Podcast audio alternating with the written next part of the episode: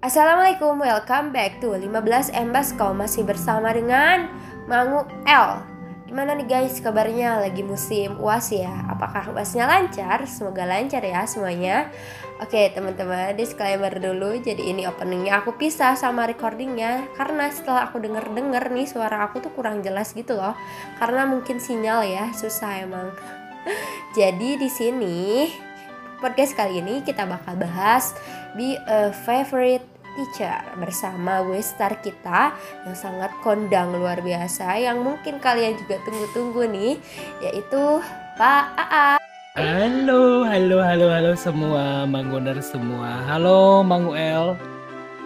Halo Bapak. ya, Pak.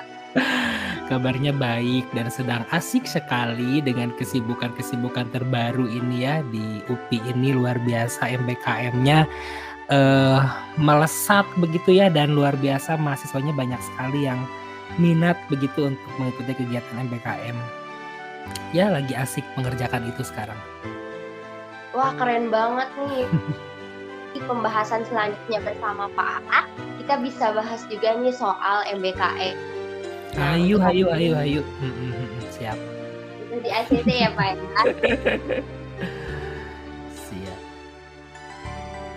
ini kita bahas bagaimana cara menjadi guru favorit. Nah, alasan Mamuel saya mengundang Bapak ya karena jujur Pak, Bapak satu dosen favorit saya. Ah, suka lebay deh ah Manuel ini ya. Enggak. Terus temen aku hmm. pun ya, Pak pas yang favorit oh Pak A, Pak A, Pak A. Hmm, kenapa ya kira-kira ya? ya kita langsung aja pembahasannya. Okay. Nah, jadi kita bakal tanya Pak AA, menurut hmm. Bapak bagaimana apa menurut Bapak guru favorit itu seperti apa, Pak? Oke, sosok guru favorit itu seperti apa ya? Begitu kan ya pertanyaan dari Manguel. Luar biasa ini sulit sekali pertanyaannya ya karena sebenarnya ketika dipertanyakan uh, guru favorit itu seperti apa, itu sama dengan menanyakan uh, warna favorit itu umumnya seperti apa begitu. Itu kan ya. Karena memang uh, seperti kita tahu Manguel bahwa uh, favorit itu kan hubungannya personal ya. Jadi yang dinilainya itu, yang menilainya itu masing-masing punya kriteria masing-masing begitu. Sehingga memang kadang kadang-kadang uh, guru yang kita anggap favorit itu belum tentu mungkin favorit bagi guru yang uh, bagi siswa yang lain begitu guru tersebut sehingga memang bentuknya itu sangat personal tapi uh, kita perlu tahu bahwa dalam dunia pendidikan di uh, guru itu memang punya rumus umumnya begitu untuk bagaimana menjadi guru yang favorit. Nah, kalau kembali ke pertanyaannya seperti apa sebenarnya guru favorit itu? Menurut saya guru favorit itu adalah guru yang memang harusnya sudah memenuhi empat uh, kompetensi minimal. Harus uh, kompetensi pedagogiknya terpenuhi dengan baik, kemudian juga kompetensi profesionalnya juga terpenuhi dengan cukup, kepribadian dan juga sosialnya uh, itu juga harus uh, apa namanya betul-betul mencerminkan sebagai guru yang bisa diidolakan begitu karena memang nggak uh, bisa juga jadi guru favorit tapi tidak punya karakter atau kriteria profesional kan ya nggak bisa seperti itu kalau menurut saya Manguel. Bapak uh, tadi menurut hmm. apa yang Bapak sampaikan ya secara guru favorit itu personal ya. Nah, aku mau yeah, mm-hmm. kalau bapak uh, guru favorit waktu jam sekolah gitu atau mungkin sekarang uh, S udah S3 ya bapak ya. Punya punya dosen favorit dan buat kita semua favorit bapak.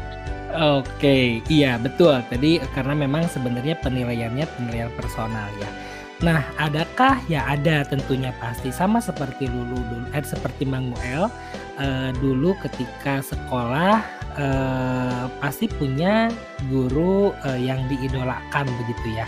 Dan memang kadang-kadang uh, beda-beda kan ya Menguel ya karena uh, mengidolakan satu guru itu juga berdasarkan atau juga dilihat dari karakteristik kitanya. Seperti tadi yang saya sampaikan bahwa analoginya seperti memilih warna gitu.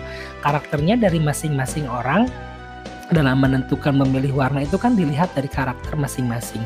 Nah, eh, ada yang memang suka dengan guru yang disiplin karena mungkin bagi dia guru disiplin bisa eh, lebih membantu dalam belajarnya.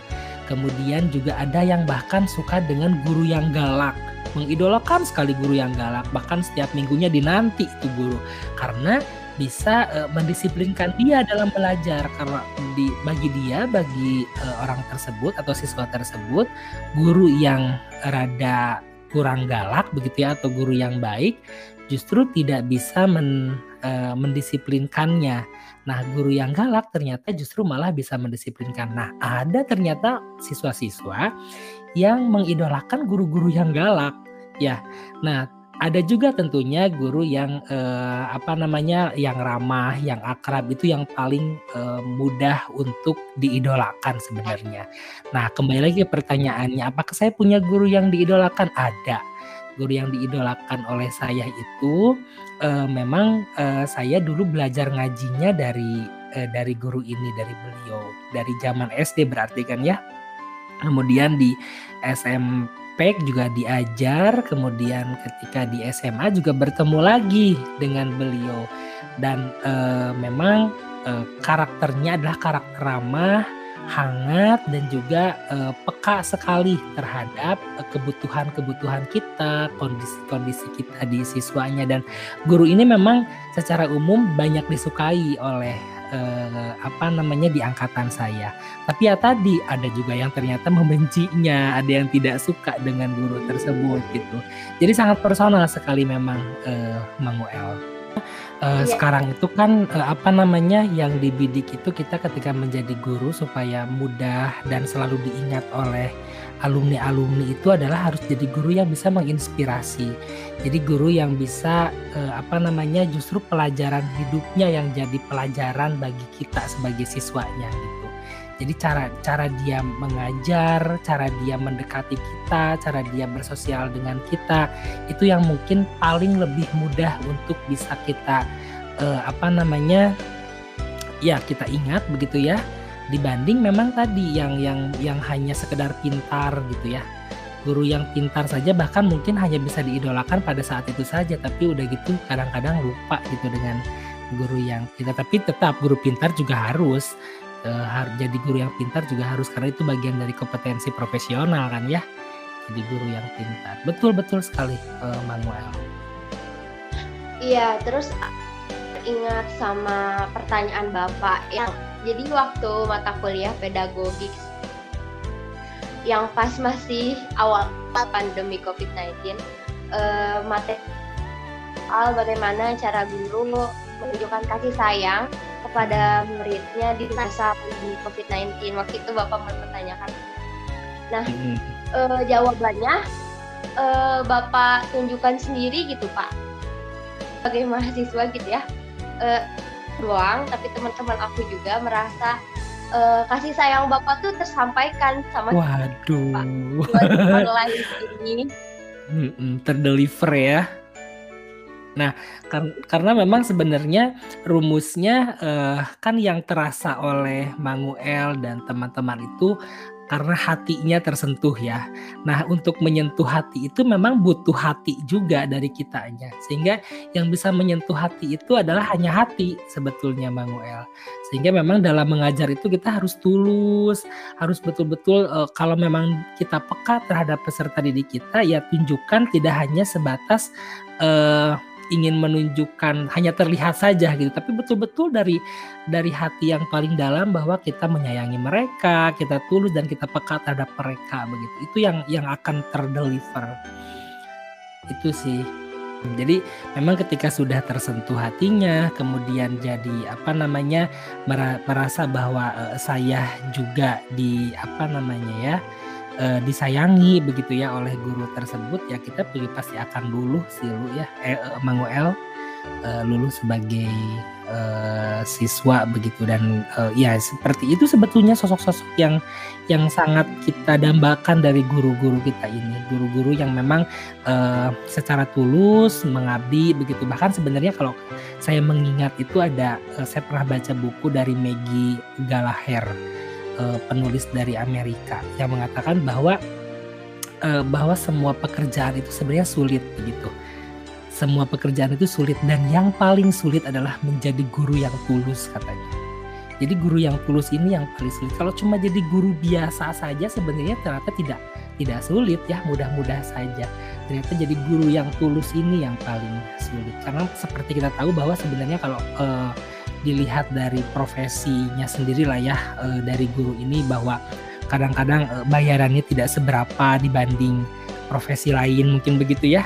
Kemudian juga eh, penghargaannya juga tidak seperti mungkin profesi-profesi lain ya. Tapi ya sekarang kan banyak juga ya penghargaan-penghargaan untuk guru begitu.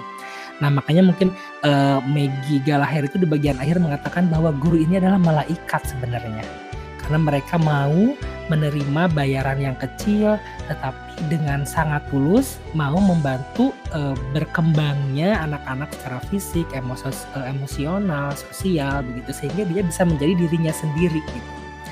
Dan di bagian akhirnya sekali bukunya itu mengatakan bahwa kadang-kadang guru ini e, sebenarnya seperti e, makin hari ini e, apa makin hari ini menjadi orang yang makin tidak berguna katanya jadi dia tuh ketika mengajar itu sebenarnya sedang menciptakan dirinya menjadi orang yang tidak berguna.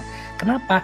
Karena sebenarnya kita sedang menciptakan masa depan anak-anak yang begitu cemerlang di masa depannya nanti. Itu dia akan menjadi pengganti uh, posisi guru ini di mana kan uh, makin sini generasi itu kan makin ter apa namanya tergantikan dengan dengan cara pembawaan dari setiap generasi itu sendiri ya. Di mana memang pada akhirnya kan guru-guru tua ini akan guru-guru sepuh ya guru-guru sepuh ini akan menjadi tidak lagi bisa dianggap kreatif e, dibanding guru-guru muda begitu atau orang-orang muda lah begitu ya. Nah sebenarnya ketika dia mengajar itu katanya sedang menciptakan ketidakbergunaan bagi dirinya sendiri gitu. Karena e, seperti lilin ya guru itu kan seperti lilin. Kita menerangi lingkungan kita, kita menerangi, uh, kita menciptakan cahaya begitu bagi semua orang di sana. Tapi sebenarnya kita sedang membuat diri kita meleleh dan tidak berarti kan ketika sudah menjadi uh, pecahan dari apa itu namanya lelehan itu kan, yang lelehan yang sudah kemudian membeku lagi itu kan tidak lagi berarti ada sebuah lilin itu. Nah uh, sebenarnya begitu mungkin analogi yang diciptakan oleh Maggie Gallagher itu. Bagus bukunya lu kalau mau dibaca. Nanti aku bakal banget banget deh. Iya bener pak, guru-guru yang seperti itu ya. Kadang juga lihatnya dulu juga pengalaman pas SMA. Jadi emang uh, kurang dihargai gitu ya istilahnya. Karena ya karena pengajarannya yang mm -mm, mak iya. -mm. teknologi. Teknologi, Tapi, betul niatnya masih sangat tulus untuk mengajar. Underestimate ke guru-guru senior ya. Yang mengajarkan kita sampai sekarang kita bisa mengajar pun adalah guru sebenarnya ya. Guru zaman dulu gitu kan? Iya. Guru zaman dulu gitu. Terus pak uh, pertanyaan nih yang masuk hal teman aku. Katanya nanya gitu sih biar apa ya kita tuh tetap membangkitkan mood siswa karena emang guru favorit itu pasti membangkitkan mood siswa untuk belajar kan jadinya. Hmm. Nah, bagaimana kalau misal uh, si siswa para siswa itu moodnya lagi gak bagus, misal lagi hmm. ya hmm. atau mungkin lah di rumahnya mungkin hmm. ya kan hmm. nggak tahu. Ya gimana hmm. tuh Pak menghadapinya? Di di di peserta didik kita yang jelas yang pertama adalah kita harus menjadi guru yang peka sebenarnya eh, Manguel. Jadi guru yang peduli terhadap eh, kejadian atau fenomena atau apa pun suasana begitu ya yang ada pada saat itu. Karena kita tidak pernah tahu apa yang sedang dirasakan oleh peserta didik kita pada saat itu. Apa yang uh, tadi pagi dia alami di rumah begitu. Bagaimana kemudian mungkin uh, sesuatu yang terjadi tadi malam sebelum tidur yang itu pada akhirnya terbawa ke motivasi belajar di pagi hari begitu. Itu kita tidak tahu sehingga memang perlu adanya rasa peka dan tidak secara cepat mengambil keputusan. Misalnya tiba-tiba bilang, ah kamu lagi nggak semangat, ah kamu uh, sedang uh, tidak fokus misalnya. Tidak seperti itu dulu, tapi guru yang baik adalah guru yang mendiagnosa terlebih dahulu kira-kira apa nih yang terjadi, apa yang uh, sedang dirasakan oleh peserta didik kita ini gitu. Jadi harus ada sisi pedulinya di sana. Harus ada sisi peduli untuk bagaimana uh, memahami apa yang sedang terjadi. Nah, sehingga ketika sudah muncul rasa peduli tersebut uh, kan tadi urusannya ke hati lagi ya hati dari peserta didiknya pun akan ikut terbantu untuk bangkit begitu sehingga mungkin ya akan muncul semangat belajar lagi. Kemudian secara praktis, yang kedua kita juga perlu untuk menjadi guru yang kreatif dan menarik. Jadi eh, semangat belajar itu kadang-kadang memang eh, katakanlah kalau seperti bar begitu ya bar sinyal mungkin berangkat dari rumah itu masih satu bar saja. Tapi ketika sudah datang ke kelas melihat gurunya membawa persiapan yang luar biasa matang, misalnya media pembelajarannya bagus, penampilan gurunya pun diperhatikan dengan baik, begitu ya wangi misalnya. Kemudian eh, apa namanya menarik apa yang dibawakan oleh gurunya, ini pasti akan membangkitkan motivasi belajar. Ini pasti karena memang kita terlihat sebagai orang yang sudah siap dan mempersiapkan uh, segalanya di rumah begitu. Atau di, di sebelum pembelajaran terjadi. Sehingga mau tidak mau pasti sebenarnya akan ter uh, apa terbangun motivasi belajar dari uh, peserta didik tersebut. Jadi harus menjadi guru yang kreatif dan juga menjadi guru yang menarik begitu mungkin itu bisa menjadi tips uh, supaya bagaimana uh, peserta didik kita ini uh, bisa bisa motivasinya kembali on lagi begitu ya. Ed ed ed kita stop dulu ya. Lanjut ke part 2. Ayo masih penasaran kan? Stay tune and enjoy.